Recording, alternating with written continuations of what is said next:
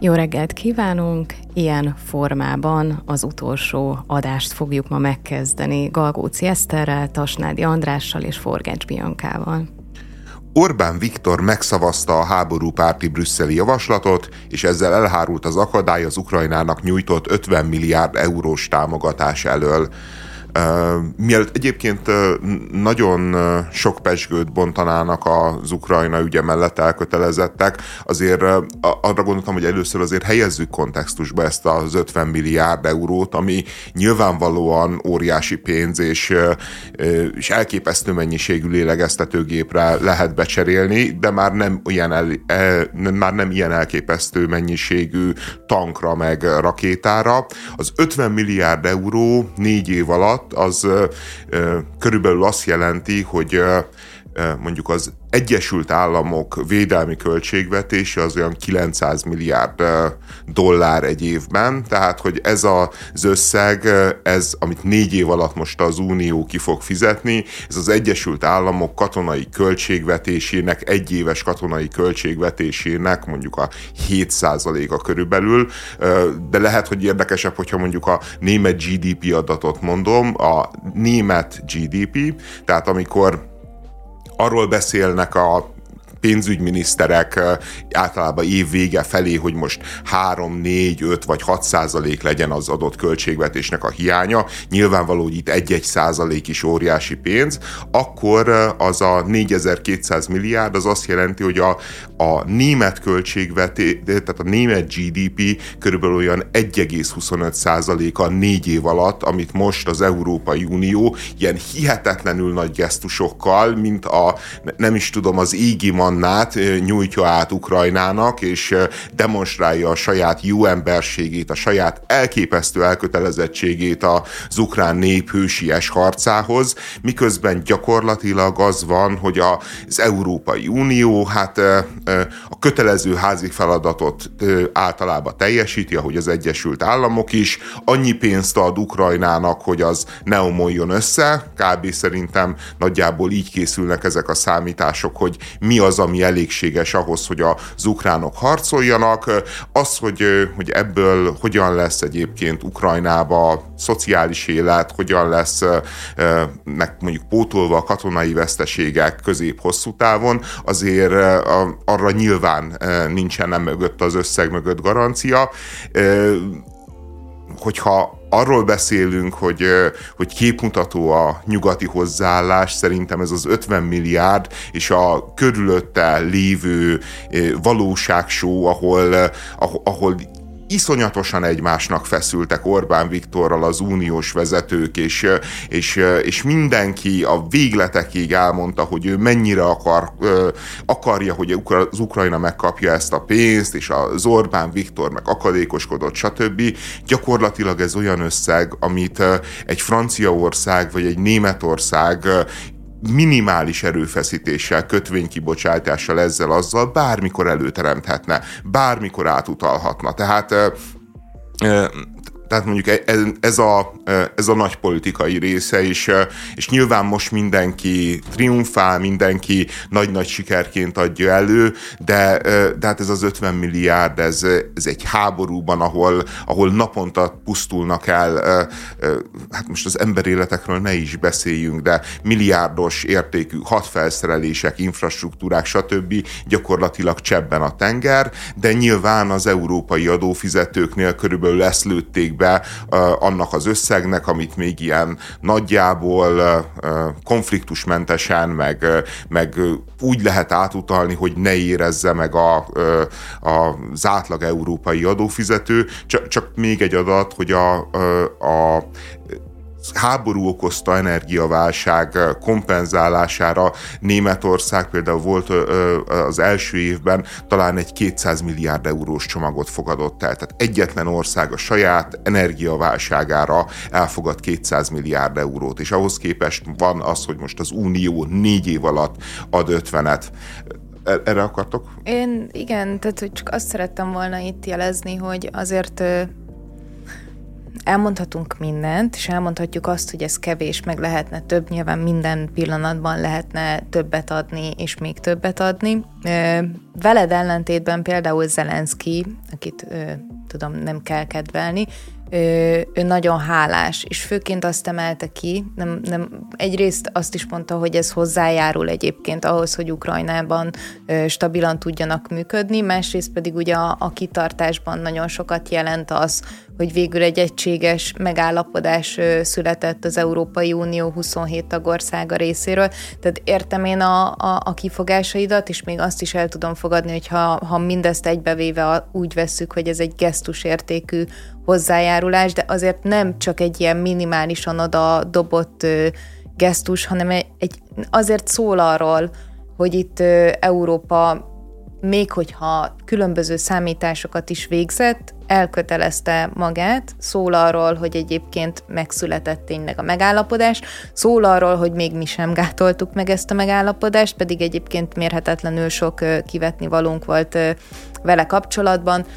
Valószínűleg, hogyha magyar vonatkozást nézzük, akkor majd itt lehet, hogy megint kapunk valamennyi pénzt, mint amikor Orbán Viktor izé, teljes kávét ivott inkább, mint hogy a, a a vitán részt vegyem, de azért én nem tudom, tehát hogy nem feltétlenül úgy kezdeném ezt a hírt, persze tegyük kontextusba, hogy lámlám megint az Európai Unió az mekkora gonoszságot követett el, és hogy ennél csak sokkal többet tudott volna tenni, hanem szerintem beszéljünk arról, hogy, hogy ez is mivel járul hozzá a, a háborúhoz mivel járul hozzá mondjuk ahhoz, hogy kitartsanak azok a, az ukrán katonák, akik még mindig a, a fronton harcolnak, és persze ebből nem fogják újraépíteni Ukrajnát e, helyből, és nyilvánvalóan mindemellett egyébként még nagyon sok segítségre lesz szükségük, amelyet majd meglátjuk, hogy a történelem előre menetele közben megkapnak-e akár Amerikából, mert ez ugye most egyelőre úgy tűnik, hogy függ az elnök választástól, akár továbbra is az Európai Unió külön-külön lévő tagállamaitól, mert ettől függetlenül azok nem állnak le azok a segítségek, ez csak egy közös gesztus. Hát jó, én nem akarom azt mondani, szerintem ez több, mint gesztus, azért ez 50 milliárd euró, és abban nyilván teljesen igazad van, hogy, hogy azért ez nem az össztámogatás, amit Európa adott, nyilván nagyon sok fegyver, nagyon sok kétoldalú támogatás megy Ukrajna felé. Én csak egész egyszerűen azt akartam érzékeltetni, hogy, hogy a az európai országok azok, azok a lehetőségeikhez képest igazából nem állnak bele ebbe a dologba. Tehát miközben nagyon kemény szavak hangzanak el, miközben nagyon erős gesztusok, ehhez képest a, a másik oldalon nincs, nincs az, a, az a, az anyagi erő, vagy, vagy katonai támogatás, ami, ami ezzel arányba lenne, de az biztos, hogy, hogy sokkal több, mint hogyha semmit nem adnának, nyilván akkor Ukrajna összeomlana.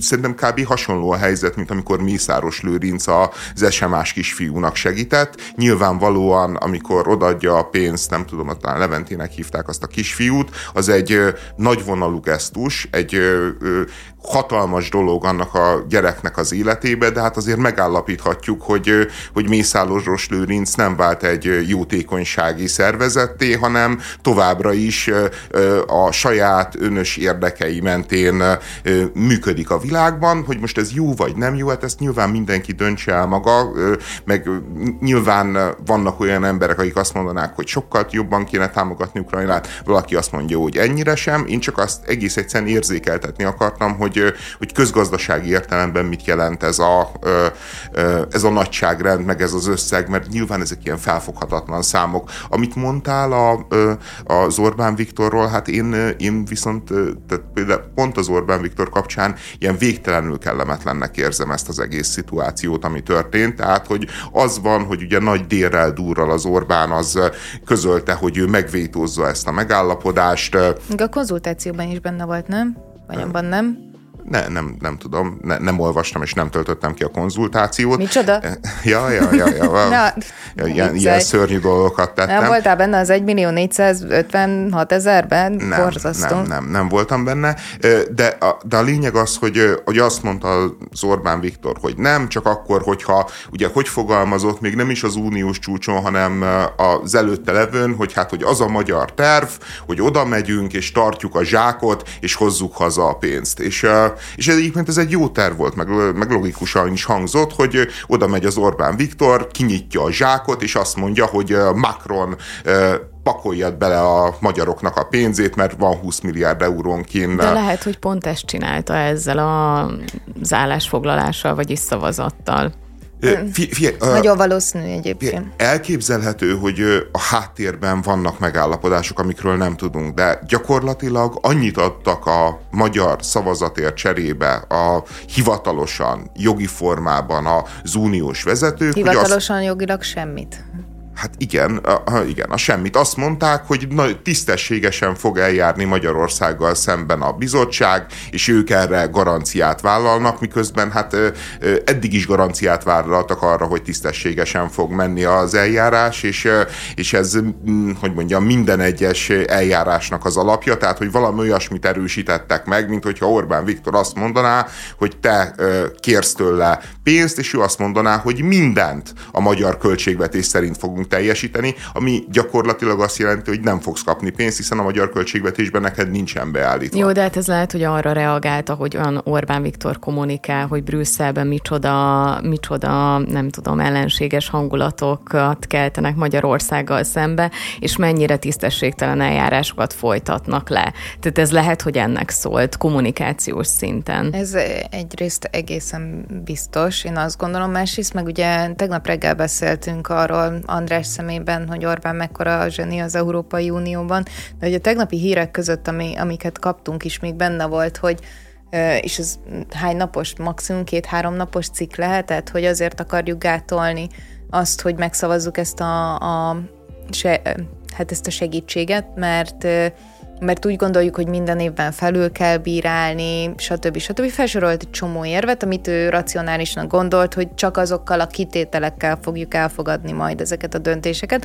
Aztán véletlenül valahogy elfogadtuk, és persze ezen már, tehát, hogy így kár, nem tudom, néha azt érzem, hogy mindig kimondjuk az egyik, meg a másik oldalát is, hogy mindenki ahhoz képest, hogy hogyan helyezkedik el az ő szemében Orbán Viktor, az egyik azt mondja, hogy na, lám, tessék, megint elbukott, a, a másik meg azt mondja, hogy mm, jó, megszavaztuk, de nem úgy szavaztuk meg, ahogyan azt kéne, meg amúgy is, nem tudom, az Európai Unió kb. most már kést fog a torkunkhoz, hogyha nem csinálunk meg valamit, úgyhogy mondjuk nem értem, hogy egy ilyen erős vezető ekkor miért nem tud kiállni, de mindegy, de a ez, lényeg... a komo- ez szerintem csak a te fejedben létezik ez a narratíva, hogy nem, sarokba igen, azért, lettünk igen, szorítva, legalábbis a kormány hogy, részéről hogy rá, Rájöttem, szerintem. hogy nyilvánvalóan nem vagyunk sarokba szorítva, hiszen egyébként mi formáljuk meg a, az Európai Uniós politikát, és én nem állítom, hogy Orbán Viktor nem helyezkedik amúgy jól, vagy nem köt zárt ajtók mögött olyan díleket, mert valószínűleg, és ezért mondom, hogy feltételezhető azért, hogyha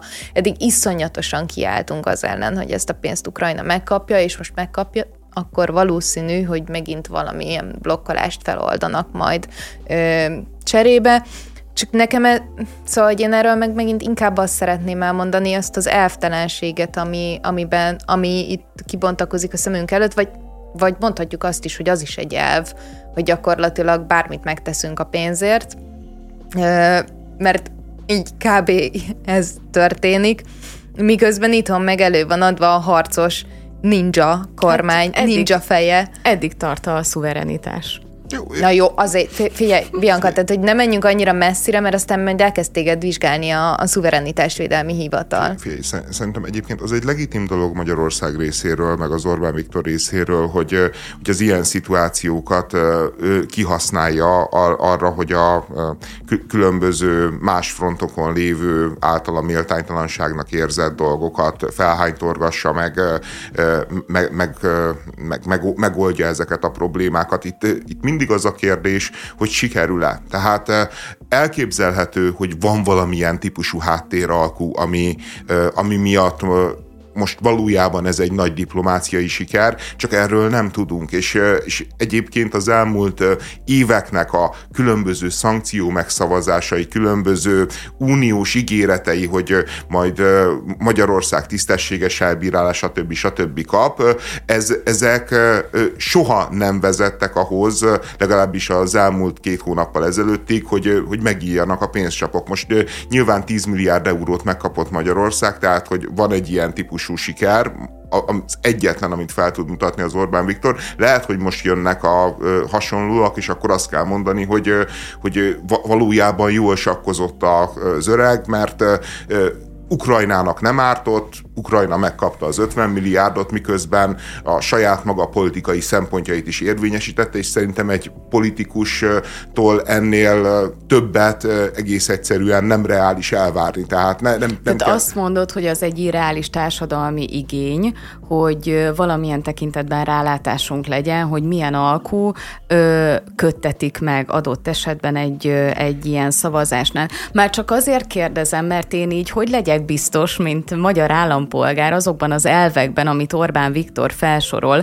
hogy mi ebbe és abba nagyon keményen bele fogunk állni. Én honnan tudjam, hogy, hogy ez éppen egy alkupozíciónak a kialakítása, vagy ez tényleg a, a, a kormánynak, az országnak a, az elve, amit nem szeretne feladni. Hát, Mert így én bizonytalan vagyok. nem fontos a transzparencia, meg fontos, hogy átlássuk, de azért azt is lássuk, hogy a világ nem így működik. Tehát, hogy, hogy nagyon sokszor a különböző politikai vezetőkbe kell az embernek bizalmat raknia, hogy az ő megállapodásaik, az ő döntéseik, amiket nem ismerünk uh-huh. mindig az... Te, te, hogy, Csak a kérdés az, hogy ezt a bizalmat hányszor lehet eljátszani, és milyen módon, és most itt nem arra akarok utalni, hogy, hogy soha nem szabad engedni abból, amit mondunk, de amikor amikor tényleg ilyen, ilyen nagy ellentéteket látunk a hazai kommunikációban, és abban, hogy mi történik mondjuk egy európai ö, parlamenti szavazáson, akkor az engem egy kicsit ilyen, hát nem jó érzéssel töltem, maradjunk de, de annyiban. Viktor megmondta már mindannyiunknak, hogy ne azt nézzétek, amit mondok, hanem azt, amit akkor, csinálok. Akkor miért de, kell még mindig hallgatni? Csak igen, erre nekem is ez lett volna a következő mondatom, hogy akkor csak hagyd ne hallgassam egyébként, meg hagyd ne nézegessem a, a, a Facebook falamon, hogy egyébként ez mennyire nem oké, okay, hogy pénzt akarunk küldeni.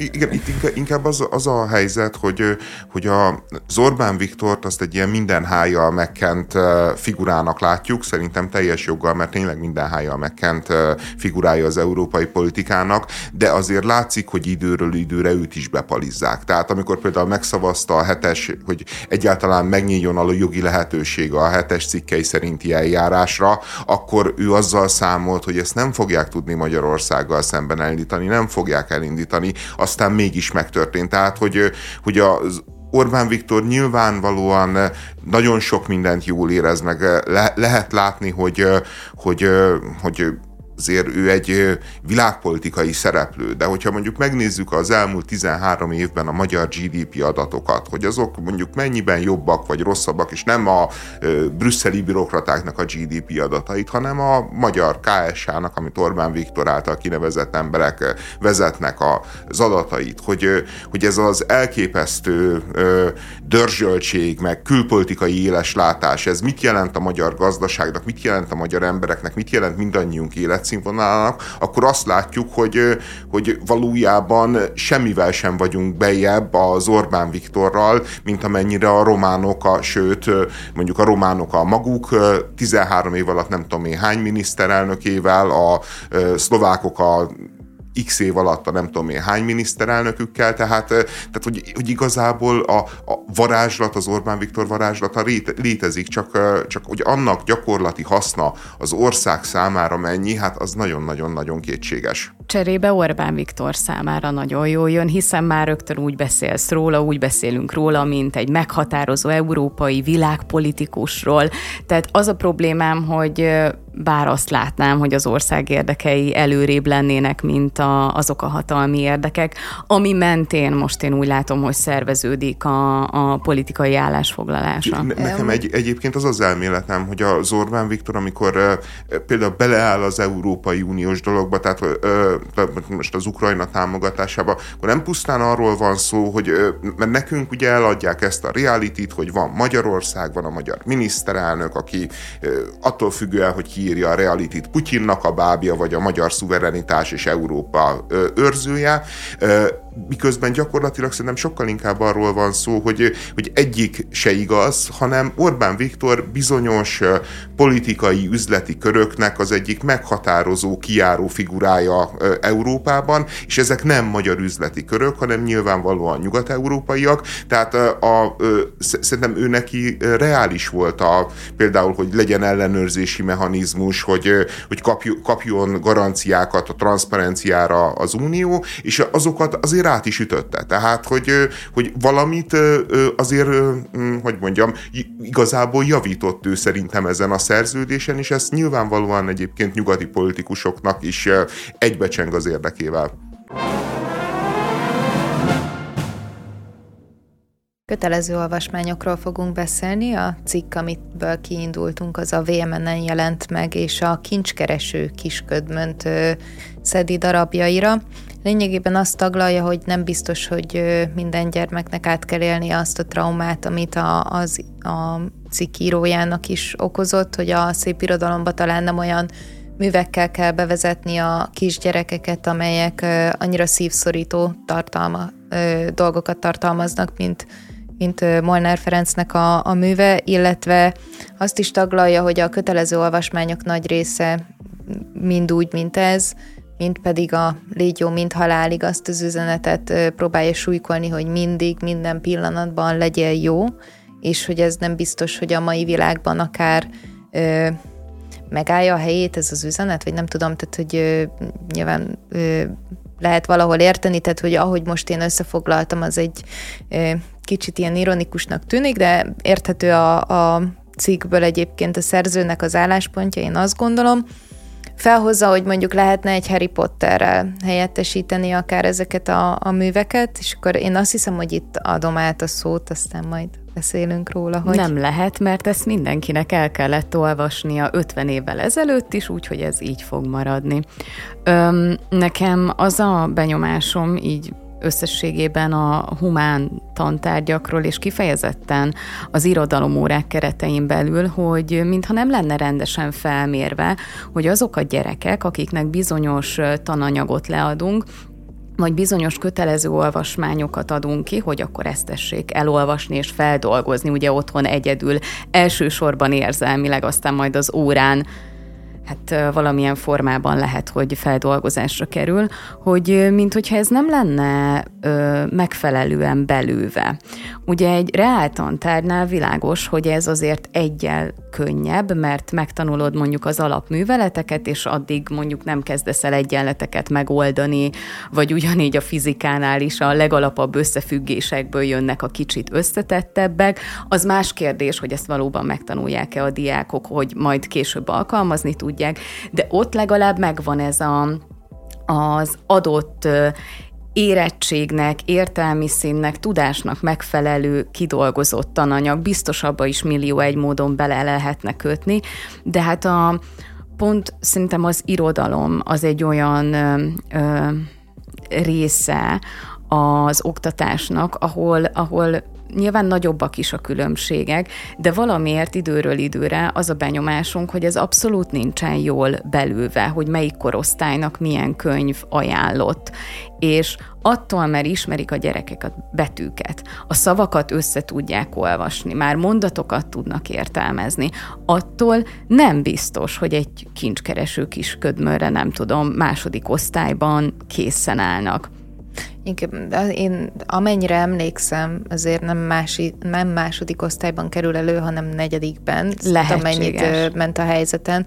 És én például egyébként egy ilyen nagyon furcsa nézőpontból fogom ezt megközelíteni, mert valóban, tehát hogy nem csak a kis, kincskereső kisködmön, nekem voltak egyébként középiskolában is olyan olvasmányaim, amik kötelezőek voltak, és mondjuk érzelmileg kifejezetten meg tudtak viselni Ö, ilyen volt például a Legyek ura, ö, vagy egyébként Csát Gézától a, a Kisem a novella, a, ami, ami kifejezetten nehéz volt. A kincskereső kisködben is volt kötelező, és azt is tehát valamilyen szinten szívszorító volt olvasni, de például nekem nem ez a fajta trauma maradt meg, mint ami a, ami a szerzőnek. Tehát, hogy, hogy mindet átéreztem akkor a magam módján, vagy a magam szintjén. De ugyanezt tudom elmondani egyébként arról, hogy nekünk én, én nagyon szerencsés voltam nekünk, vagy nekem az életem során végig nagyon jó magyar tanáraim voltak, akikkel utána egyébként sokat beszélgettünk irodalomról és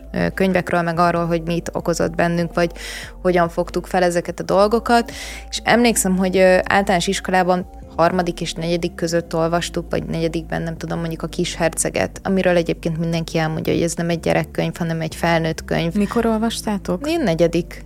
Szerintem mi azt, általános... ahogy megtanultunk olvasni másodikba, azt el kellett nekünk olvasni, én így emlékszem. És közben meg így, tudod, én, én visszagondolva azt érzem, hogy ezek az olvasmányok nagyjából olyanok, mint amikor mondjuk újra néztem egy-egy Disney filmet, ö, amit gyerekként, mondjuk egy Toy Story, mert azt így, így tudom ö, már kötni, hogy milyen érzés volt akkor nézni, és mit láttam benne akkor, és mondjuk mit látok benne közel 30 évesen, vagy 30 éves korom után.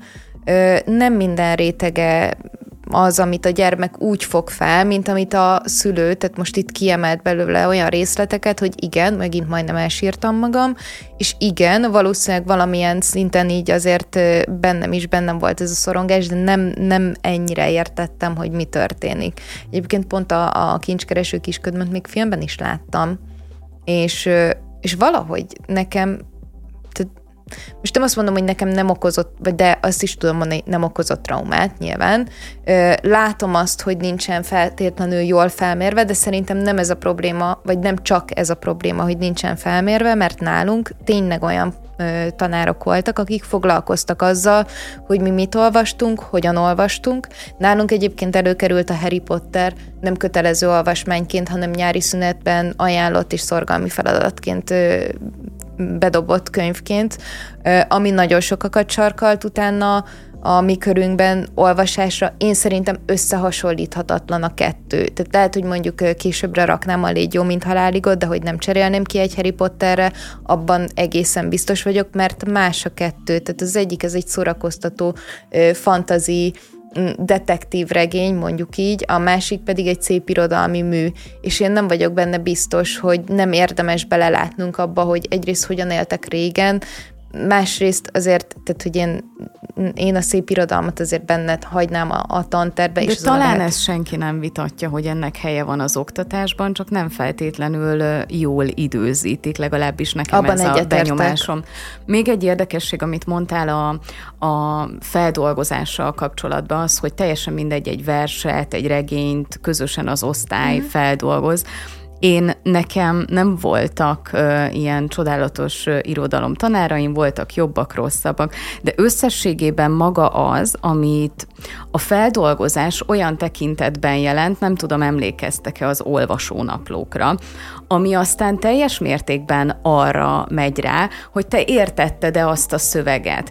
Emlékszel-e rá, csekkolja, hogy te valóban elolvastad-e, valóban figyeltél-e a részletekre. Mm. Szó nincs arról, hogy egy olyan feldolgozás történjen, ami mondjuk érzelmileg hat, vagy bármilyen más módon, mint hogy te megértetted azt a szöveget így kognitívan. Mm-hmm.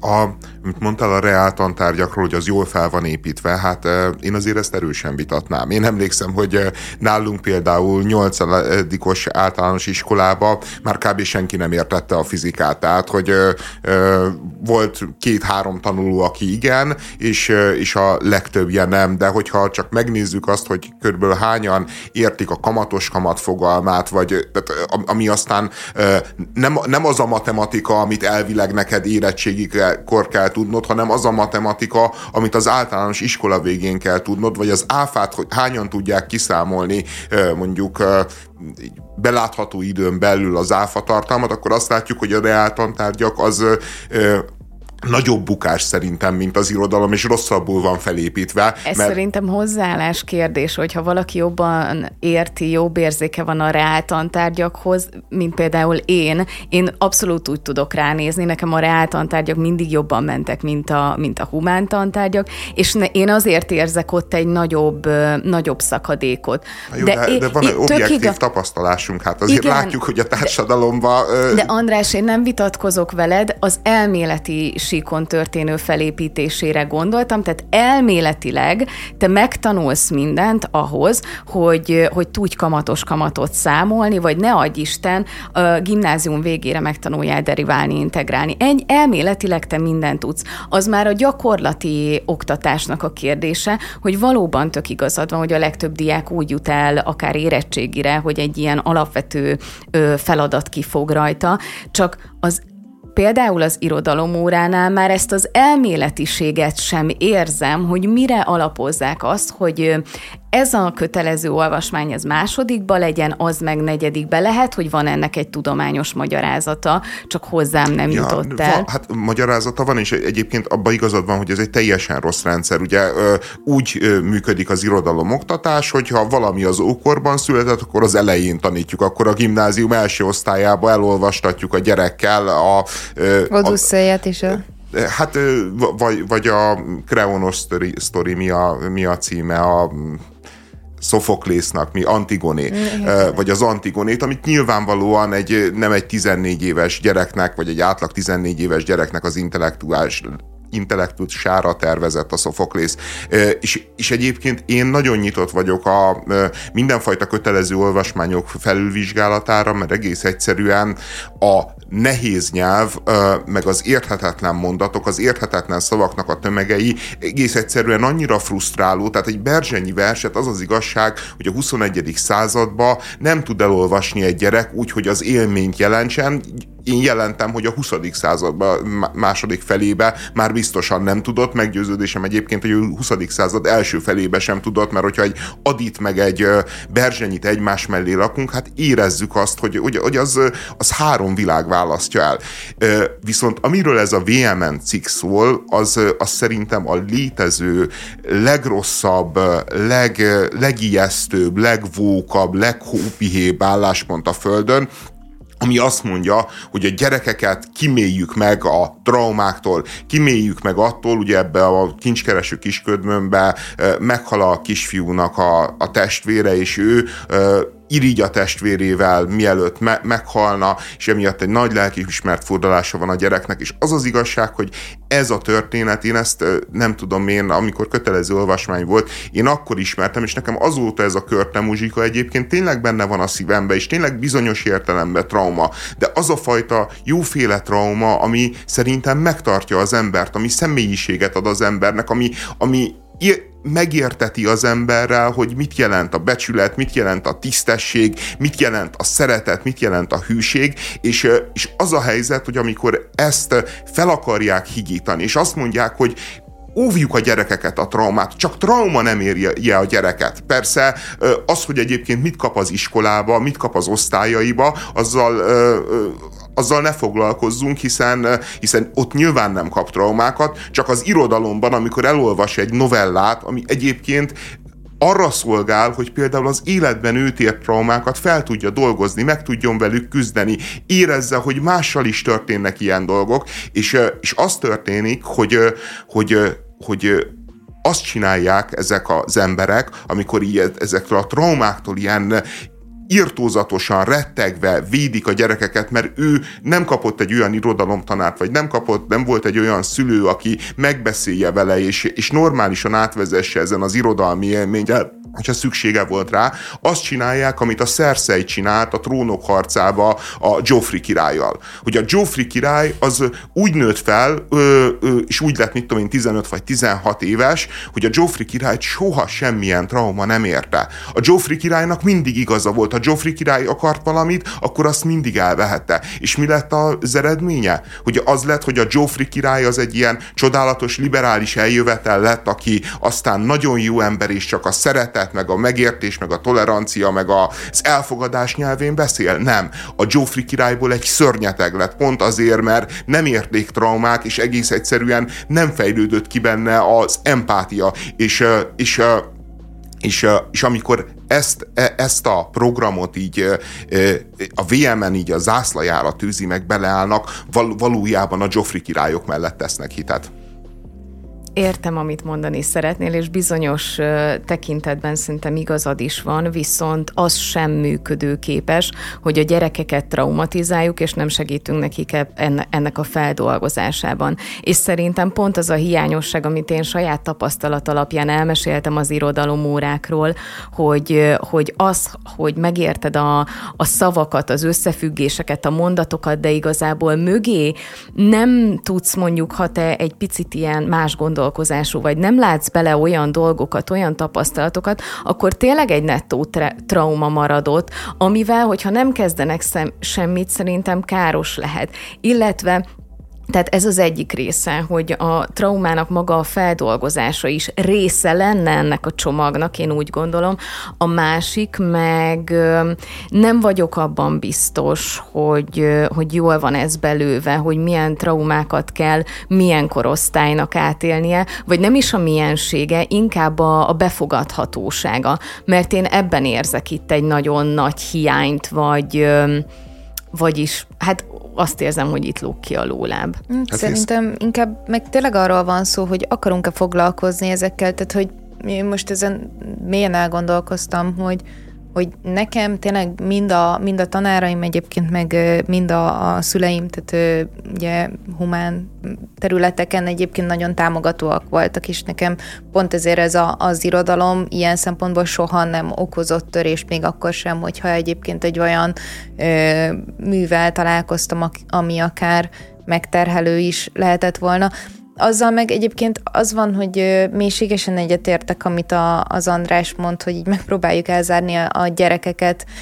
mindenféle sérelemtől, azzal nem tudunk előrébb menni, hanem tényleg inkább azt kellene valahogyan az oktatásba beletenni, és ezt most nem a pedagógusoknak mondom, hogy minden pedagógus rossz, mert az egész rendszer omlik össze, nincs idő, kötelező kerettanterv van, és minden rossz, de hogy igen, inkább talán azt kéne kikérni magunknak, a szerzőről pedig csak egy mondat még, és mehetünk tovább, hogyha ő leül a gyerekével, ő olvassa fel neki a könyvet, akkor pont ő be tudja tölteni azt a funkciót, amit mondjuk nekem a jó pedagógusaim vagy az édesanyám, hogyha megkérdeztem, tudta betölteni, és szerintem ez a fontos, hogy együtt olvassák, akkor talán egyen jobb. Szerintem az a szamárvezető, hogyha érti a gyerek, akkor, akkor már érett rá. Tehát ha, ha megérti. Hogyha megérti azt, hogy mit jelent, hogy halál, tehát hogyha már érti a kis tudata azt, hogy mit jelent, hogy halál, akkor el kell neki magyarázni, hogy mi az a halál. Me, me, nem szabad magára hagyni vele. Tehát azzal, hogy te nem foglalkozol vele, az be fog törni ilyen-olyan módon az életébe, meg fog halni a nagymamája, meg fog halni, mit tudom én, valami közeli ismerős a családba, stb.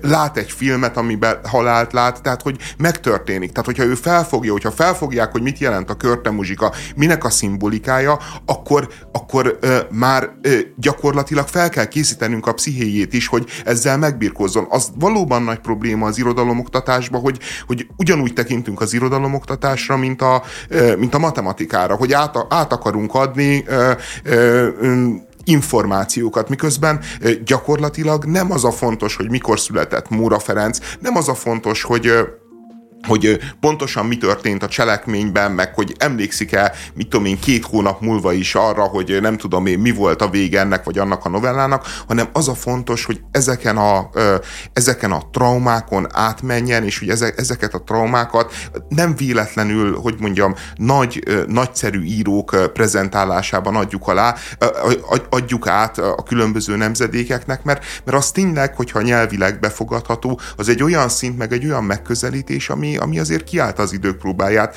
Én, én, én borzott, tehát én a kincskereső kisködben az egyik legértékesebb ö, ö, középiskolai vagy általános iskolai tananyagnak gondolom, azon lehet nyilván vitatkozni, hogy egy-két évvel elcsúsztatni vagy nem elcsúsztatni, de, de ez, a, ez az őrült hergelés, hogy itt micsoda trauma történik, megmondom őszintén, én szerintem egy dementornak a, az elképzelése a Harry Potterből, hát az, az van annyira szörnyű, csak, csak egész egyszerűen egy sokkal nehezebben felfogható, és egy sokkal absztraktabb félelem, amit mondjuk egy dementor jelent, és hogyha azt egy gyerek elfogadja, na attól szerintem sokkal ö, keményebb parázni, mint, mint attól a ö, körte ami azért a maga szimbólumrendszerében mégiscsak jól lefordítható, meg racionalizálható. Lehetséges, csak még egyszer el szeretném mondani, az én tapasztalataimat. Lehet, hogy más teljesen más tapasztalt, amikor, amikor hasonló könyveket olvasott. Nekem abszolút az, nem, nem is az volt a trauma, amit elolvastam, hanem ahogyan olvastam én nagyon-nagyon sokáig, állandóan rá voltam arra görcsölve, hogy ó, mi van, ha pont ezt kérdezik, vagy mi van, ha pont az előző oldalnak a közepébe kérdeznek bele, amikor lehet, hogy egy picikét elkalandoztak a gondolataim, és ez azért nem olyan felemelő és maga a számonkérés, tehát ez egy, ez egy más jellegű kritika szerintem, mint az, hogy mikor olvasunk könyveket. Abszolút én sem gondolom, hogy mindenféle traumától minden áron meg kell óvni a gyerekeket, viszont az, hogy ebben milyen ö, feldolgozást ban segítséget kapnak, vagy egyáltalán milyen módon álljanak az irodalomhoz, az olvasáshoz, hogyha te nem tudod azt, hogy mi történt a, nem tudom, harmadik fejezet ötödik bekezdésénél, akkor hát te nem olvastad el azt a könyvet. Tényleg nem tudod, nem emlékszel? Hát mennyire figyeltél, és nekem ezek ilyen nagyon-nagyon élénken élő emlékek, és bevallom, nekem ezt volt nagyon sok idő, viszonylag sok idő levetkőzni, mire nem éreztem ezt a kényszert, hogyha én elolvasok valamit, és nekem egy picit mást jelent, mondjuk, hogy az nem probléma. Jó, mert hát ilyen műszaki aggyal gondolkodsz. Egyébként még amit, ö, ö, a, amit ö, a, a szerzőnő szóvá tesz, hogy hát hogy ez a jó gyerek, rossz gyerek, hogy ezek micsoda elavult kategóriák, és hogy, hogy így agyon frusztrálni a gyereket azzal, hogy ő jó gyerek, meg hogy, hogy, hogy akkor rossz gyerek, hogy ő elromlik. Én értem egyébként, hogy, hogy lehet egy ilyen szélsőséges megélése ennek a jó gyerekezésnek, meg rossz gyerekezésnek, meg nyilván az, hogyha ö, súlykolják egy gyereknek, hogy rossz gyerek vagy rossz gyerek vagy, az nyilván egyébként rossz gyerek lesz, és nem, nem helyes, de, de, de, ez, nem... ez, ez alapján, tudod, hogy neki van egy ilyen traumája, és ez alapján, mert nyilván bántották őt, és rossz gyerekezték, lehet egyébként, hogy igaz is volt, és tényleg rossz gyerek volt, nem Vagy tudjuk. csak nagyon jó volt, és folyamatosan szorongott, hogy mindig jó legyen. Ez nem tudjuk, hogy mi Igen, történt a szerzővel. Ez, ez, azért ez is nem... lehet, de, de emiatt így, mert van egy ilyen traumám, meg élményem, neki menni a légy jó, mint halálignak, hogy na micsoda egy szörnyeteg üzenet, hogy, hogy micsoda őrült üzenet, hogy légy jó, mint halálig, hát ez micsoda, hogy lehet ilyet mondani egy gyereknek? Hát basszus, hát e, ez, a, ez az alapvető üzenete szerintem a kereszténységnek, ez az alapvető a üzenete a kultúránknak. Nyilván egyébként azt el kell magyarázni mindenkinek, hogy, hogy, hogy, hogy nem leszünk Krisztusok, nem leszünk a, hogy mondjam, az életünk minden percében ehhez a mércéhez jók, de hogy erre kell törekedni, hogy ez kell, hogy legyen minden normális, egészséges pszichéjű embernek a, a, az irányadó mondata, hogy legyen jó, mint halálig, szerintem az egy tök jó üzenet, és szerintem azt teszi élhetővé a társadalmakat, ez, ez teszi sikeressé, meg, meg, meg, meg nagyon-nagyon humánussá ezt a világot, és azt termeli ki egyébként ezt a fajta szélsőséget, amelyik már el akarja törölni, hogy mondjam, egyáltalán azt a mondatot, ami miatt gondolkodunk erről. Szerintem ennek a, a legyél jó traumának abszolút van legitimitása, nem olyan szempontból, amit te itt felvetettél, hogy erről ne beszéljünk, hanem az, hogy az iskola rendszerbe mit jelent jónak lenni, mikor vagy te jó diák, amikor csöndben ülsz a padba, és csak akkor szólalsz meg, amikor a tanár kérdezi, kérdez téged, hogyha nem kell óra közbe kimenned mosdóba, és ilyen tekintetben szerintem... De te... ő a Móricz regényét nyír, akarja kinyírni, nem erről beszél. Ő azt mondja, hogy hát ah, itt a Na, szörnyű. Mellé nyúlt, me- me- mellé nyúlt szerintem, amikor megfogalmazta ezt a traumát, de szerintem ennek lehet létjogosultsága. A magyar kormány azt a laboratóriumi műhúst akarja betiltani, amitől mások az élelmezési világforradalmat várják, mindezt annak érdekében tenni, hogy ezzel védje meg a vidéki életmódot. Nagy István agrárminiszter szerint a szintetikus hús felbontaná a hagyományainkat és a kultúránkat. Hát nem csak ez, hanem egyébként a szöcskék is, amit az Európai Unió ránk szeretne kényszeríteni, ezt most csak szeretném ide tenni, mert azért az is egy borzasztó történet. Ami miatt ki kell állnunk a magyarságunkért, a magyar ételeinkért, a nem tudom, a kolbászos krumplis tésztáért, a pacalos, nem, nem tudok több fúziós konyhát felsorolni német Szilárdtól, tehát hogy amilyen cikket olvastunk, ugye vagy ami, ami most így bekerült, az az, hogy Donát, Anna, Donát Annáról a Mandiner közölt egy hosszú cikket, aminek a címe szerintem páratlan, tehát Donát Annus jó étvágyat kívánt, leölt vemhes tehén magzatából kinyert szérumon kitenyésztett pipicombhoz. Szerintem ez egy kiváló cím, és nem tudom, hogy ez így pont így elhangzott-e alapvetően, de hogy a, a cikkben nekem ami feltűnt az az, hogy, hogy a hosszú kritika során amiben az volt, hogy na ez lesz az a mondás, amivel ö, majd nyilvánvalóan a, a Momentum politikai erőt fog nyerni, ez szerintem még egy jogos kritika is. De ami, mert hogy nem ez lesz a világ megváltó gondolat, amivel szavazók tömegét fogják urnához vinni, ez egészen biztos. Mindemellett azt gondolom, hogy a politikusoknak egyébként van felelőssége abban, hogy mondjuk olyan ö, társadalomformáló ö, vagy olyan társadalmi kérdésekben megnyilatkozzanak, akár mint az étkezés, vagy a fenntartható étkezés. Tehát én nem látok kivetni valót abban, hogyha egy politikus mondjuk egy ilyet mond, hogy a, a műhús az nem feltétlenül rossz, de a cikk, amikor folytatódott, na én ott teljes mértékben eldobtam az agyamat, mert hogy levezették, hogy ugye nem tudom, nagyjából 1500 forint kilója a csirkének, miközben a műhús pedig 16 ezer forint kilója, és akkor oda is írták azt, hogy ennek az összetevői, mit én, a, a víz, a csicseri borsóliszt, vagy a nem tudom micsoda, stb. stb. és hogy ezek ugye alapvetően nem drága dolgok, és mégis ilyen iszonyatosan drága az a növényi alapú műhús, amit Donát annak kíván nekünk, vagy kínál nekünk, és ez, ez nem fenntartható mindenkinek, hiszen nem tudjuk megteremteni az anyagi lehetőséget ahhoz, hogy ilyet tegyünk. Miközben most én a, a hétköznapi életemben így egyből az ugrott be, hogy csak hogyha elsétálok az IK-ba, és nyilván tudom, hogy nem tud mindenki az IK-ba menni ö, ételt venni, nem akarom ezt ilyen kiterjeszteni, de például ott pont a sárga borsó lisztből készült ö, IKEA húsgolyó, mert ami hústól mentes húsgolyó, az pont olcsóbb, mint a, a hússal készült ö, változata.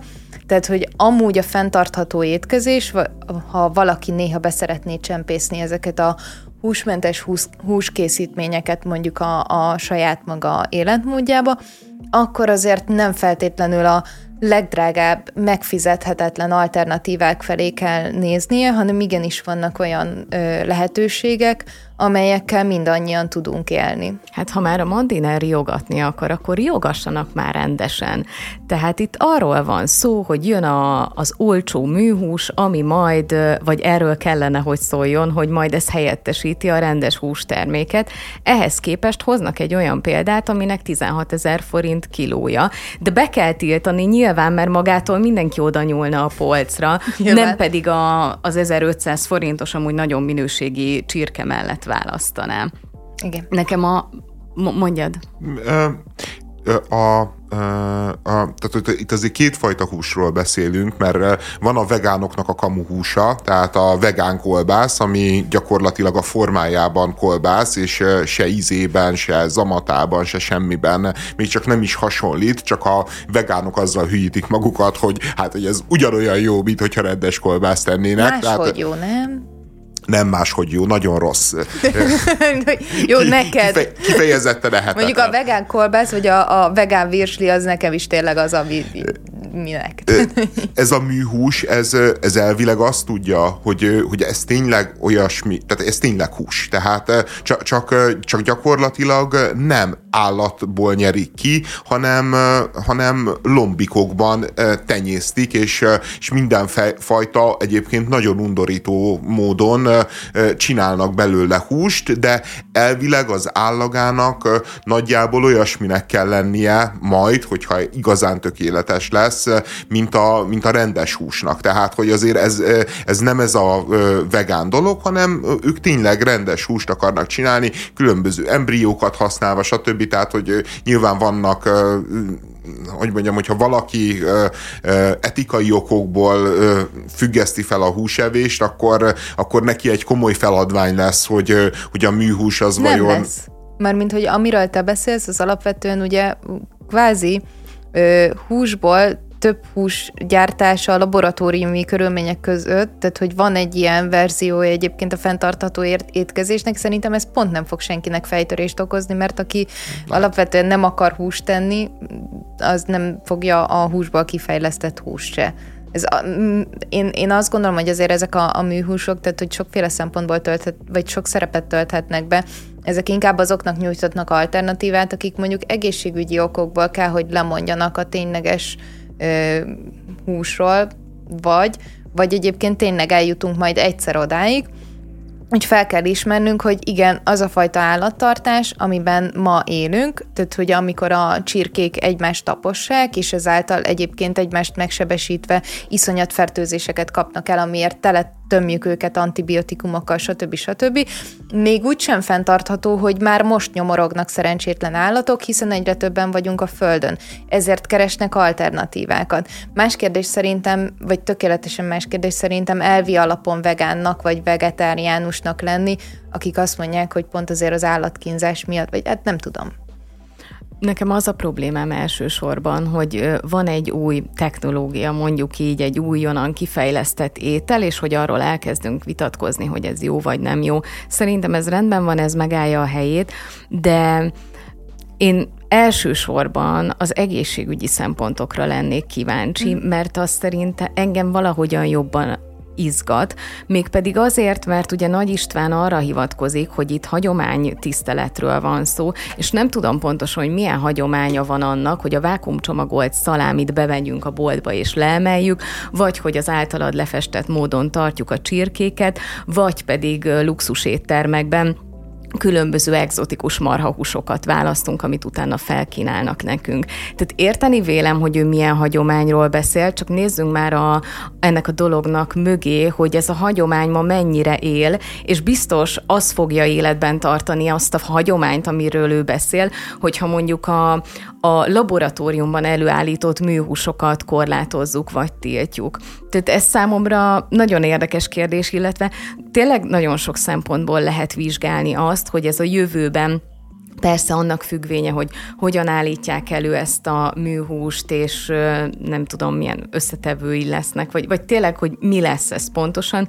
Én ezt személy szerint még nem látom át. Tehát annyi kérdés felmerül ezzel kapcsolatban, és így a, szerintem a hagyomány így a, a nem tudom, a, az utolsók között van, és nem azért, mert nem fontos az, hogy, hogy azokat a hagyományokat valamilyen módon megtartsuk, ahogyan a hagyományos állattartás folyt, de ma már erről szerintem nem beszélhetünk mert teljesen átalakult Szerintem ez az iparág. Sokkal, sokkal kiterjesztőbben érti a tradíciót, tehát hogy nem, nem, nem azt érti, hogy a juhász kimegy a két marhával legeltetni, hanem akár a nagyüzemi állattartást is érti azt, hogy, hogy itt gazdák, gazdaságok álltak erre rá, akiknek, hogy mondjam, azért hatalmas, nyilván hatalmas tudás, De hatalmas azt szakértelem. gazdasági szempontoknak, ne pedig hagyománynak. Azt hagyománynak nevezni, hogy, hogy mészártelepeket üzemeltetünk, és tényleg oly módon bánunk az állatokkal, ahogy talán nem kéne. Ezt a hagyományt őrizni, és emellett letenni a voksunkat, én szerintem nem annyira ízléses.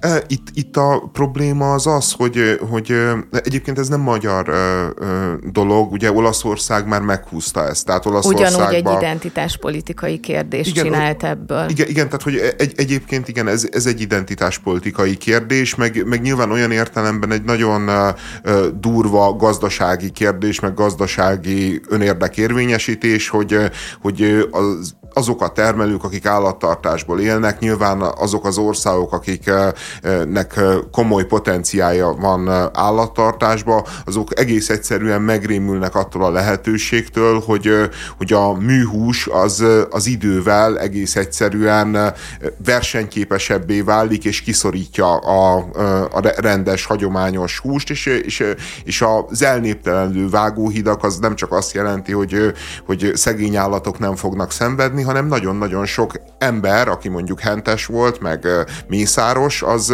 munkanélküli lesz, és ő meg a családjuk meg, meg igencsak fog szenvedni azzal, hogy mondjuk elpusztul egy ilyen ágazat, aminek nagy hagyományai, nagy, na, nagy múltja van Magyarországon, és egyébként ugye, hogy mondjam, ma, magyar identitáshoz, hogy mi mezőgazdasági ország, stb. vagyunk, ez, ez azért erőteljesen hozzátartozik. Én, én számomra egyébként nem ellenszenves az a gondolat, megmondom őszintén, ez már nyilván a boomerségnek a része, hogy, hogy, hogy betiltani bizonyos technológiákat, mert, mert én a mesterséges intelligenciától vagyok egy, egy ilyen típusú félelembe, meg hogy azt gondolom, hogy valami, ami ennyire ellenőrizhetetlen, mint a mesterséges intelligencia, azt jó lenne, amíg jobban meg nem értjük, jobban nem tudjuk, hogy hogy működik, azt, azt ne engedjük be a mindennapokba, ne verjünk szét létező társadalmi struktúrákat, miközben egyáltalán nem is vagyunk tisztában, hogy ez a dolog ez mennyire fenntartható, hogyan működik, hogyan lehet vele hosszú távon együtt élnie az emberiségnek. A műhús esetében nekem inkább az a problémám, hogy, hogy én az identitáspolitikai haszonszerzésen kívül így nem látom na- nagyon értelmét, mert az ára hivatkoznak, ami nyilván ugye kiderült, hogy nevetséges, mert gyakorlatilag tízszer drágább ma még a laboratóriumban készített műhús, mint az a, a típus, amit éppen oda mint, mint, mint a csirke. A, a, amire hivatkoznak még, hogy nagyon undorító módon készítik ezt ezt a műhúst el, ezek a nem tudom én, embriók, meg nem tudom én micsoda, ez nyilván egyébként a, a, a nagyüzemi állattartás az, az legalább annyi horror sztorit és, és borzalmat az antibiotikumoktól kezdve tényleg a levágott csőrű csirkék, meg, meg minden módon szerencsétlen megnyomorított állatoknak a sokasága, milliói, amik, amik így módon gazdaságosak, és a harmadik meg, meg azt mondják, hogy ugye, hogy nem fenntartható ez a műhús, ami, amihez én nem értek, de, de nyilván ez egy olyan technológia, ami most alak, alakul ki, és nekem a problémám ezzel az, hogy, hogy, hogy valójában, amikor Magyarország azt mondja, hogy ő nem engedi a műhúst, ő, ne, ő, ő ezt nem támogatja, ezzel gyakorlatilag egyetlen dolgot ér el, tehát ez körülbelül olyan, mintha a mesterséges intelligenciát tiltaná be Magyarország. Ha ezt Magyarország betiltja, akkor csak annyi történik, hogy a környező országokban, ahol használják a mesterséges intelligenciát, versenyképesebbek lesznek, mint mi. Lesz egy csomó ember, mit tudom én, Szlovákiába, Romániába, Ausztriába, aki mesterséges intelligenciát fog fejleszteni, céget alapít, stb. stb.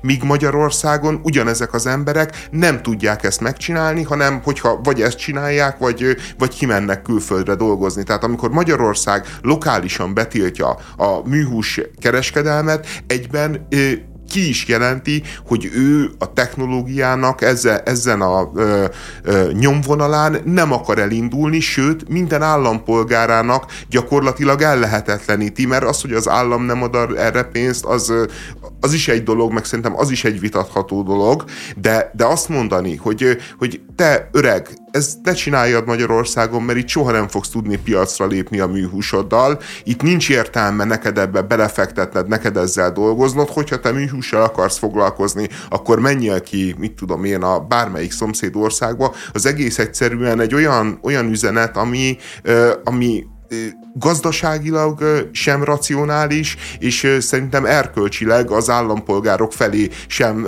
sem fenntartható. Ráadásul egyébként, bocsánat, csak egy pillanat, hogy most itt megint egyfajta műhúsról beszélünk, és úgy csinálunk, mintha tegnap előtt derült volna ki, hogy mondjuk ilyeneket fejlesztenek, miközben egyébként mondjuk már legalább egy évtizede nagyon sok ilyen technológiai újítás van, kezdve igen attól, hogy vannak csak a, a sima, mert tökéletesen elérhető növényi alapú ilyen húskészítményszerű húsok, mert ugye azt, azt hiszem, hogy nem is hívhatjuk húsnak ezeket már. Ö, egészen odáig, hogy már nagyon, tehát hogy, hogy, hogy van olyan tanszék, Amerikában speciál van olyan tanszék, amely tényleg azzal foglalkozik, hogy milyen technológiákkal lehet helyettesíteni különböző állati eredetű ételeket. Tehát mondjuk egy tojást hogyan tudsz előállítani, mind állagra, mind ízre úgy, hogy az fenntarthatóbbá váljék, a későbbiekben, amikor már nem biztos, hogy minden elérhető lesz, ami ma elérhető, vagy egyébként egy tényleg egy egészségesebb opciót kínáljon annál, mint hogy olyan állatok húsát tesszük meg, amelyek gyógyszereken vannak felhizlalva, felnevelve, és ami miatt mondjuk antibiotikum rezisztenciát fogunk kapni. Tehát, hogy egy csomó olyan nem tudom, tehát hogy a, egy csomó olyan országban, ahol nem csinálnak ebből mondjuk identitáspolitikát, igenis vannak erre különböző kutatások, nem kell neked feltétlenül az embrióból, meg vérből, meg nem tudom miből megcsinált, ami, amin persze tök felháborodunk, miközben a magyar tradíciókban azt hiszem, hogy benne van mondjuk a sült vérnek az evése, tehát hogy így ö, ö, felháborodunk, hogy hogy ö, ilyen mocsokságokat ö, ö, csinálnak, nem kell feltétlenül pont ezt a fajtát megenni, lehet, hogy ez amúgy tök le fog szakadni, soha nem fog elkészülni, mert egy csomó olyan próbálkozás volt, amitől először megijedtünk, hogy úristen, ez mennyire undorító, aztán sose került piacra, vagy piacra került, és nagyjából három másodperc alatt bukott meg, viszont legalább lehetőség van arra, hogy egy csomóféle új technológiát kitaláljanak mások. Összességében szerintem tök jó, hogy András bedobtad az AI kérdését, mert szerintem valamilyen tekintetben van ehhez köze, hogy van valami új, amit látunk jönni, és kéne rá valahogyan reagálni. Lehet, hogy az AI esetében ez egy gyorsabb lefolyású történet volt, de hát, hogy Eszter most említetted, ez nem egy tegnap kitalált dolog, hogy, hogy próbáljunk meg műhúst előállítani.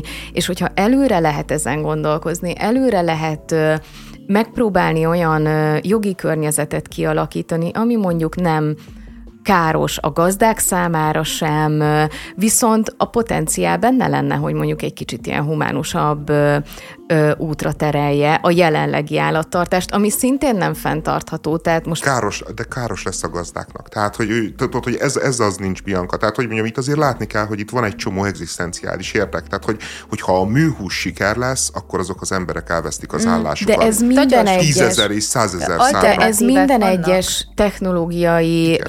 Fejlődésre, innovációra elmondható volt, hogy jaj, hát ha csatornáznak, akkor azok az emberek, mm. akik, bocsánat, de a szarcsöp söprik össze az utcán, akkor azoknak a munkájával mi lesz. És ha mindig ezt, szerintem e, me, fel lehet vetni a kérdést, hogy mi lesz, mert egyébként választ kell rá találni, de ne de, a tiltás de ezt, legyen ezt, az. Ez tök igaz, csak, csak te azt mondtad, hogy a gazdáknak is jó legyen. Tehát, hogy, hogy ezt, fe, ezt felejtsük el, mert tudod, ez egy hmm. ilyen politikus duma, hogy itt majd mindenki jó lesz, majd mindenki nyer, win-win, tudod, hogy nem, nem. De, de mi történik? Van lehetőség rá, mert mint hogy én például láttam olyan opciót, ez is Amerikából, amúgy van, van egy csomó tök jó dokumentumfilm ilyenekkel kapcsolatban. Van egy fickó, és ez csak egyet emelek ki, de nyilván nagyon sok ilyen van, aki pont ezt a nagyüzemi csirketartást végezte, és pont azokat Sok a helyisége, helységeket, amelyekben addig ö, ö, ezeket az állatokat tartotta, utána elkezdett például gombát termeszteni, mert mondjuk a gomba iszonyatosan ö, gyorsan terem, ö, kb. igénytelenebb, tehát a, a fenntartása Viszont nagyon sok egyébként olyan ételnek adhat alapot, amelyek mondjuk a húsmentes táplálkozást elő tudják segíteni. Tehát, hogy én értem, amit mondasz, András, és és egyébként én is azt gondolom, hogy teljes mértékben ne vesszenek ki a tradíciók, tehát hogy néha-néha tök jól esik megenni egy egy burgert, és ez meg még jobb, hogy szarvasmarha, mert, mert magyar burger, tök jó a téli szalámi, mert az is a miénk, nyilván itt most lehet a folpakkolt, vagy nem folpakkolt dolgot is beemelni, de hogy mellette egyébként vannak más opciók, és el kell kezdenünk keresni a fenntarthatóság érdekében. És szerintem pont az a probléma, amit, amit te mondasz, hogy ha mi ezt helyből tiltjuk, az fog ahhoz vezetni, hogy majd egyszer, amikor már nem tudjuk fenntartani ezt, egy pillanat alatt kell majd átállniuk a gazdáknak egy olyan termelési struktúrára, amihez addig nem szoktak hozzá, nem volt idejük felkészülni, na abból lesz egyébként tényleg az a probléma, hogy elvesztik az állásukat, és nem abból, hogy megjelennek ezek a készítmények, mert amikor megjelenik valami új, akkor mindig lehet valamire váltani, de ez nem három másodperc alatt történik meg. Ezért nagyon káros ez a hozzáállás, hogy bármi, ami új, és úgy gondoljuk, hogy a mi hagyományainkat sértik, bár tényleg szeretném még egyszer kiemelni azt a módot, ahogy a nagyüzemi állattartás folyik, nem csak Magyarországon, azt ne nevezzük hagyományosnak, mert szerintem inkább ö, ö, embertelen, mint hagyományos. És felszámolni nem vagyok benne biztos, hogy annyira borzasztó rossz lenne, vagy átalakítani.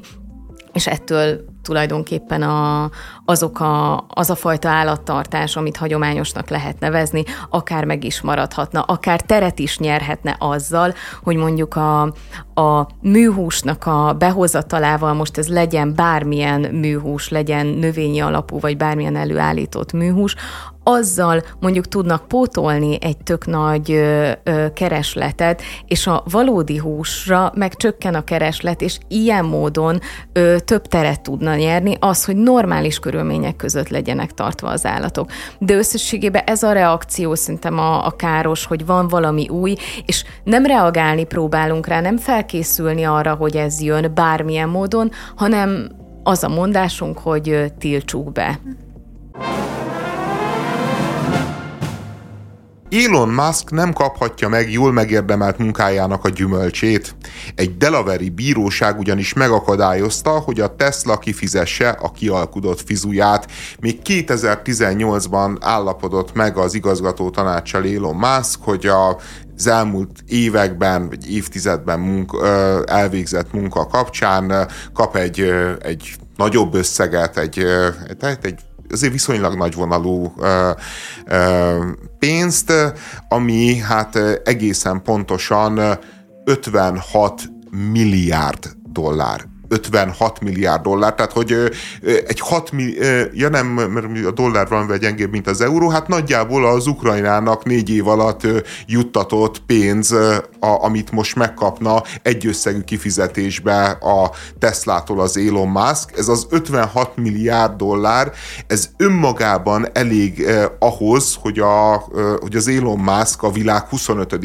leggazdagabb embere legyen. Úgy képzeljük el ezt az 56 milliárdot, hogy ebbe nincsenek benne az Elon Musknak a részvényei. Tehát az Elon Musk az ugyanúgy megtartja a részvényeit, a, a részvényei után kapott uh, hozamokat uh, felveszi, és, uh, és a részvények uh, értéknövekedéséből uh, jövő gazdagság is megmarad, de még ezen kívül a cég kifizet neki 56 milliárdot, és amikor erről az 56 milliárdos kifizetésről értesültek a részvényesek, nyilván az igazgató tanács döntött, akkor azt mondta az egyik kis részvényes, hogy, hogy ez teljesen irreális, és bírósághoz fordul, hogy itt a többségi tulajdonos visszaél a, a befolyásával, és me- megkárosítja a kis részvényeseket, és a Delaware bíróság azt mondta, hogy az 56 milliárd dolláros fizu, hát nyilván sokat dolgozott az Elon Musk, de, de azért tényleg túlzás, és leállította.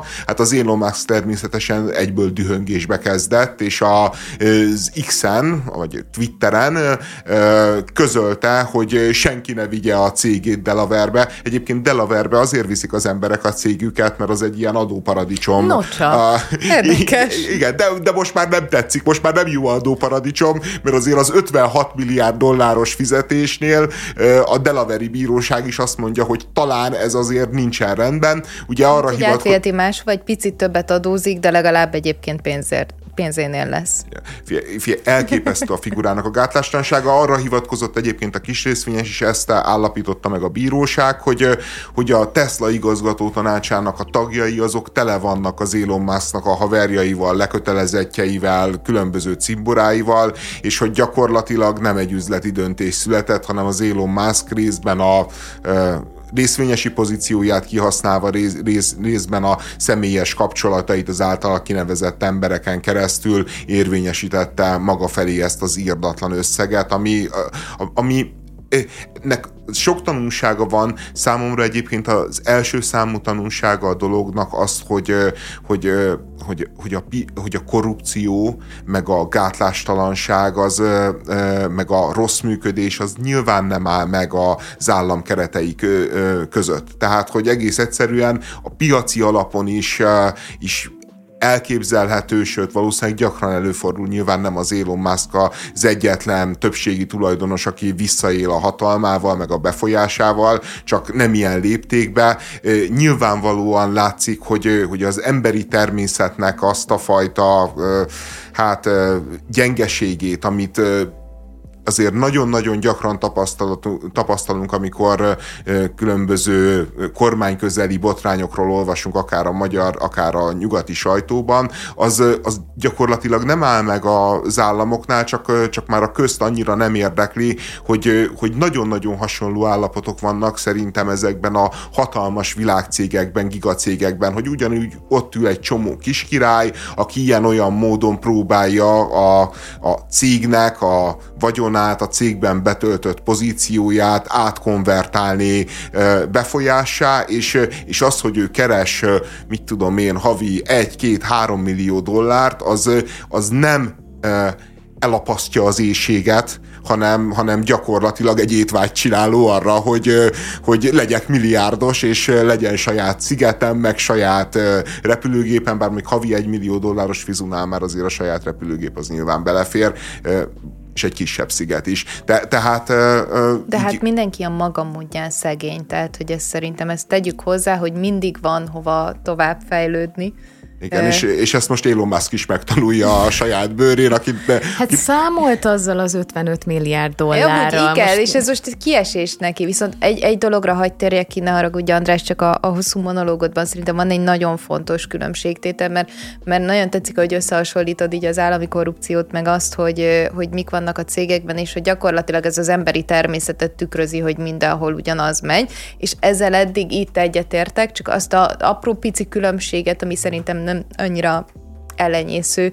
Tegyük hozzá, hogy az egyik a mi adófizetői pénzünkből csinálja ugyanezt, vagy azt herdálja el, a másik meg piaci alapon működik, tehát valamit azért hozzátesz azért, hogy az a pénz de, de szerintem ez egy nagy tévedés. Tehát, hogy, ö, ö, hogy mondjam, hogy te, te ebben a képletben ö, ugyanúgy részvényese vagy Magyarországnak, mint ahogy az a részvényese annak a cégnek, akit megkárosít az ilyen működés. Tehát ö, a, a korrupció az, az hogy mondjam, az állami korrupció az nyilván mindannyiunkat érint, ennyiben más, mint a, mint a céges korrupció, ami csak a részvényeseket érinti, de, de gyakorlatilag a végén mindig az van, hogy nagyon-nagyon sok kis ember van megkárosítva, nagyon sok olyan ember, aki egyébként a tisztességgel megdolgozott pénzét belerakta mondjuk az Elon Musk-nak a tervébe, az Elon Musk-nak az álmába, azt mondta, hogy ő ezt megfinanszírozza, és rárakja a nyugdíj alapját, és, és, és az Elon Musk fogja és kifosztja őket, mint ahogy egyébként mondjuk kifoszt minket a Mészáros Lőrinc. Na jó, csak érted, akkor van. én azt tudom mondani, hogy azok a részvényesek, azok ebben az analógiában a Fidesz szavazók, és a többiek meg ugyanúgy elszenvedik. Tehát érted, részvényesként én valamibe beleteszem a pénzemet, én ahhoz valamiért csatlakozok, abban valamiért hiszek.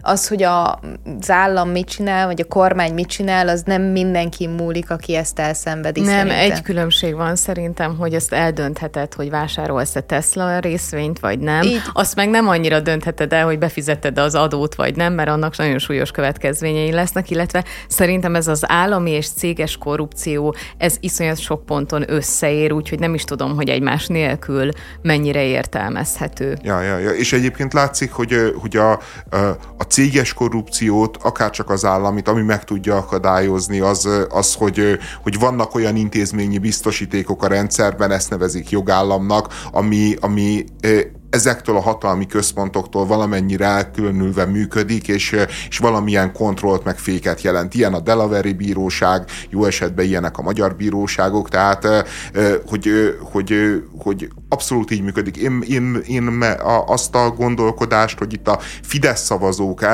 azok joggal szenvedik el, vagy, ja, vagy a Tesla mondtam. szavazók joggal, de, de, de szerintem ebből ez következik, tehát hogy, hogy aki hülye halljon meg, szerintem, de, de én nem bárki, szerintem bárkinek a kifosztása. Bocsánat, de hogy ne, ne fog rám ilyeneket. Tehát, jó, tehát, hogy szerintem az, hogy valakit megkárosítanak jogellenesen, az teljesen mindegy, hogy egy választó, hogy egy kocsma árokpartján részegen fekvő ember, akit kizsebelnek, vagy egy Tesla részvényes, az minden esetben ugyanúgy megkárosítás, ugyanúgy dopás, és minden esetben ugyanaz az erkölcsi mérce. Tehát, hogy, hogy itt másét, más tulajdonát elveszed, és hogy az a köznek a tulajdona, vagy magántulajdon az én szememben teljesen teljesen mindegy, mert mind a kettő szent, és mind a kettő sérthetetlen. De másik oldalról közelítünk meg, tehát hogy én abban, én abban nem vitatkozom, hogy itt tényleg sérülnek azok, akik elszenvedik azokat a, a jogtalanságokat, amiket itt emberek elkövetnek, és én még véletlenül se azt akartam mondani, hogy aki hülye halljon meg, csak azt akartam mondani, amit végül a Bianca sokkal jobban megfogalmazott, hogy annyi a különbség, hogy részvényesként én eldöntöm, hogy én ezt a részvényt meg akarom-e venni, még egyébként mondjuk szavazóként nem biztos, hogy én azt szerettem volna, hogy az a kormány igazgassa az én ügyeimet, ami végül lett. Tehát, tehát ma- magyar, de ez csak egy de, másik, de, de másik megközelítés. Te, te mondjuk rászavazol a Dobrev, Dobrev Klárára. De, de, amúgy és, csodálatos az utolsó műsorban, nem tudjuk kikerülni azt, hogy engem így bekategorizálsz a hát borzalmakba. Oké, Egy DK-s, aki utálja a Fidesz szavazókat, ez vagyok. Tehát. Rászavazol a kétfarkú kutyapártra. A kétfarkú kutyapárt megnyeri a ö, választást. Hatalmas fölénnyel, majd Kovács Gergő három nap múlva az ország aranykészletével távozik valami távoli egzotikus szigetre. És ezek után én, én azt mondom, hogy, azt mondod, hogy, hogy ez felháborító, hogy itt rablás történt, én meg azt mondom neked, hogy öreg, megszavaztad. Hát megszavaztad. Ki szavazta meg a Kovács Gergőt? Én szavaztam meg a Kovács Gergőt. Te szavaztad meg a Kovács De Gergőt. Én nem azt mondtam, hogy akkor nem történik jogkárosítás, ezt megérted? Én azt csak mondod, azt hogy próbál... különbség. Azt mondtad, ezt mondtam, hogy, hogy, igen, hogy ez egy hogy különbség. hogy ez egy különbség. Igen, hogy... de ez egy különbség. De nem azt mondtam, de hogy mi... utána azt mondanám, hogy te voltál a hülye. De, de, de mi a kül... Tehát, hogy, hogy mondjam, hogy mind a kettőnket me- megkárosította... Az, hogy az egyik az egy piaci történet, amiben én eldöntöm, hogy részt veszek-e, vagy nem veszek részt, az, hogy az állam és a kormányom hogyan működik, abban is eldönthetem, hogy részt veszek, vagy nem veszek részt a szavazáson, de azért attól függetlenül nem ugyanaz, mint hogy én végignézem a cégadatokat, valamibe belehelyezem a bizalmamat, és bármelyikben megtörténhet az, hogy valaki visszaél a jogkörével, visszaél a hatalmával, és ezért mondtam azt, hogy szerintem az analógia az emberi természetről nagyon sokat elmond. Én csak egy másik aspektusból viszont szeretném azt jelezni, hogy a kettő olyan szempontból tényleg különbözik, hogy az egyikre kb. van befolyásom, tehát nagyjából, tehát eldönthetem, hogy megveszem a részvényt, vagy nem. A másikra meg nem biztos, hogy van befolyásom, vagy nem annyi, mint egy olyan döntéssel, hogy megveszem a részvényt, vagy nem.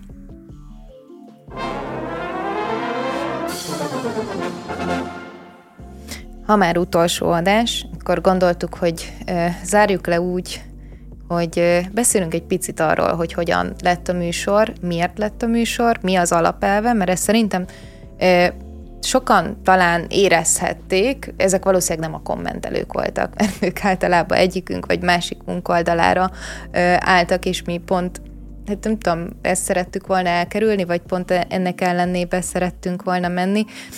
Andrásé egyébként az érdem, hogy összehozta ezt a, a műsort, és összehozott egy ilyen csapatot, és a, az elve annak, hogy mi itt mind itt ülünk, az az, hogy nagyon különböző helyekről jöttünk, nagyon különbözőek vagyunk, különbözőképpen látjuk a világot, ettől függetlenül egyébként nagyon sok mindenről, nem biztos, hogy mindenről, van véleményünk, egyesekről akár határozottabb, másokról kevésbé határozott véleményünk, de mindannyian úgy gondoljuk, hogy, hogy mindenki nagyon, vagy tehát, hogy nagyon szét van tagozódva minden, mindig át vagy bét kell mondani, és mi pont ezért szerettünk volna különböző megvilágításokat behozni ebbe a műsorba, ami persze néha azzal járt, hogy egymás torkának estünk, mert 15 percben beszélni egy ilyen témáról azt hiszem, hogy nagyon nehéz. Amit persze a hallgatók vagy a YouTube nézők nem láttak, az az, hogy hogy mi ugyanezekről a témákról, hogyha hosszan andalogva sétáltunk mondjuk három órát, akkor, akkor nagyon békés beszélgetéseket tudtunk folytatni úgy is, hogy, hogy teljesen ellentétes álláspontok voltak. Nyilván a megértés hangján beszéltünk tényleg egymással, és tényleg nagyon sokat formáltunk, azt hiszem, végig, vagy mindvégig én magam részéről mondhatom, hogy, hogy annak ellenére, hogy van, van egy kialakult világképem, nagyon-nagyon sokat formált mindenki és hajrá Dobrev Klára. Köszönöm, András, hogy itt az érzelgős részét elrontod. Ja, ja, ja. Jó, tehát, hogy hagyjuk jó, az egészet, dobjuk búcsú... ki a kukába. Jó, én nem szeretek búcsúzkodni, én ezeket így uh, alapvetően trollkodom szét, mert, mert, mert nem szeretem ezt, tehát ez egy ilyen rossz helyzet. Szívesen csináltuk másfél évig, most vége, és, és igazából sokan kérdezték, és az Orsi megbízott, hogy, hogy, hogy, hogy mondjak valamit. a pultban, csak ezért nézett ki András hogy, ha valaki hogy, hogy mondjak valamit e, ezzel kapcsolatban, mert ugye sokan kérdezték, hogy folytatjuk-e, hogy lesz-e még bohóc máshol. Mondtam az Orsinak, hogy hát most erre én mit mondjak, hát nem tudom, és, és erre mondja, hogy ez szerinte ez egy teljesen jó válasz. Hát szerintem egyáltalán nem jó válasz, de, de nyilván ez az igazság, és, és a Orsi bölcsességébe bízva ezt megosztottam a hallgatókkal, meg hát nyilván azt, hogy, hogy, hogy mindannyian nagyon-nagyon szerettük ezt csinálni, meg nagyon megtisztelő volt mind a e, figyelem, mind a türelem, mind a gyűlölet, mind a szeretet, amit e, kaptunk. E, az utóbbi show előttiből kicsit néha sok volt, de, de, de azon túl azt hiszem, hogy nagyjából rendben volt, meg most mindenkinek kisimultak a lelkén esett sérelmek, mert nagyon sok pozitív megerősítést kapott a műsor, miután megszűnt. előbb kellett volna. Ja, ja, előbb kellett volna. Egyébként én azt vettem észre a magam részéről, tehát most már elmondom, hogy én is olvastam a kommenteket, és igen, sajnálom az összes tehát, hogy ott és egyébkéntet, mindenkinek egyesével, javaslom. Mindegyikért kér bocsánatot. Igen, bocsánatot kérek, másrészt pedig legyen az, hogy valaki vágja össze az összeset, kérem. Tehát, hogy ez egy több órás műsor lehetne majd valamikor. De hogy igen, én, én, én is láttam azokat a kommenteket, amelyek nem tartalmilag kritizáltak, hanem mondjuk nem voltak jó fejek, mindeközben viszont meg nagyon sokan kerestek meg azok, akik valamilyen szinten értették a koncepciót, még ha nem is volt kimondva, vagy legalábbis találkoztam emberekkel, hallgatókkal, nem tudom, kutyasétáltatás közben random kiderült, hogy, hogy valaki a hallgató, és nagyon szereti a, a műsort, és nagyon szereti azt, hogy, hogy, hogy, hogy például szerintem András és köztem van talán az ideológiai távolságban a legnagyobb mérce itt ebben a, a csapatban, vagy a, a legtávolabb talán mi voltunk egymástól, de hogy, de hogy nekem, akik, akikkel beszélgettem, ők mind elmondták, hogy pont ezt szeretik, hogy nagyon sok mindenben akár vele tudnak egyetérteni, nagyon sok mindenben akár velem tudnak egyetérteni, és ez nyilván mindenkire igaz, aki ö, valaha megszólalt, és szerintem ez iszonyatosan fontos a, a való életben, még hogyha tudom, hogy nem is ez a kép alakult ki, mondjuk pont rólam így a, a kommentek kapcsán, de de higgyel mindenki, hogy amikor nem 15 perc van egy téma feldolgozására, akkor, akkor sokan más kép áll az ember egy-egy témához, egy beszélgetéshez, és, és, és én azt gondolom, hogy, hogy én nem is feltétlenül azért akartam ezt az elköszönést, hogy akkor itt most egy ilyen rébesen rossz hangulatú dolog legyen, hanem mert szerintem van ennek üzenete. Tehát nem Hogyha egy... eddig nem mondtuk el, hogy miről kellett volna szólni a műsornak, Most, akkor hogy vége, így az utolsó igen.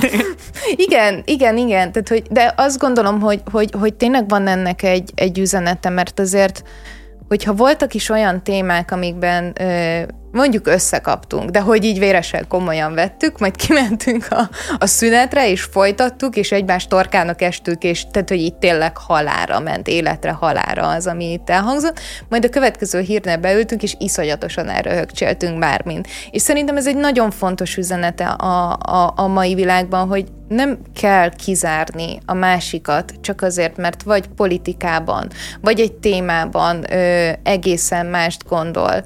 Ö, iszonyat sok, szerintem több közös van bennünk egyébként, mint ami, mint ami elválaszt, még akkor is, hogyha ha nagyon sok mindenről mást gondolunk, és ez és igen, én azt, azt szeretném, hogy, hogy legalább annyit hagyjunk fent, hogy ez, az legyen kimondva, hogy, hogy ha, ha csak egy ember megfogadja, hogy legyen nyitottabb másokra, akkor már talán tettünk valami jót is, nem csak, nem csak ide tettük az összes tehát, hogy ott is egyébként tett.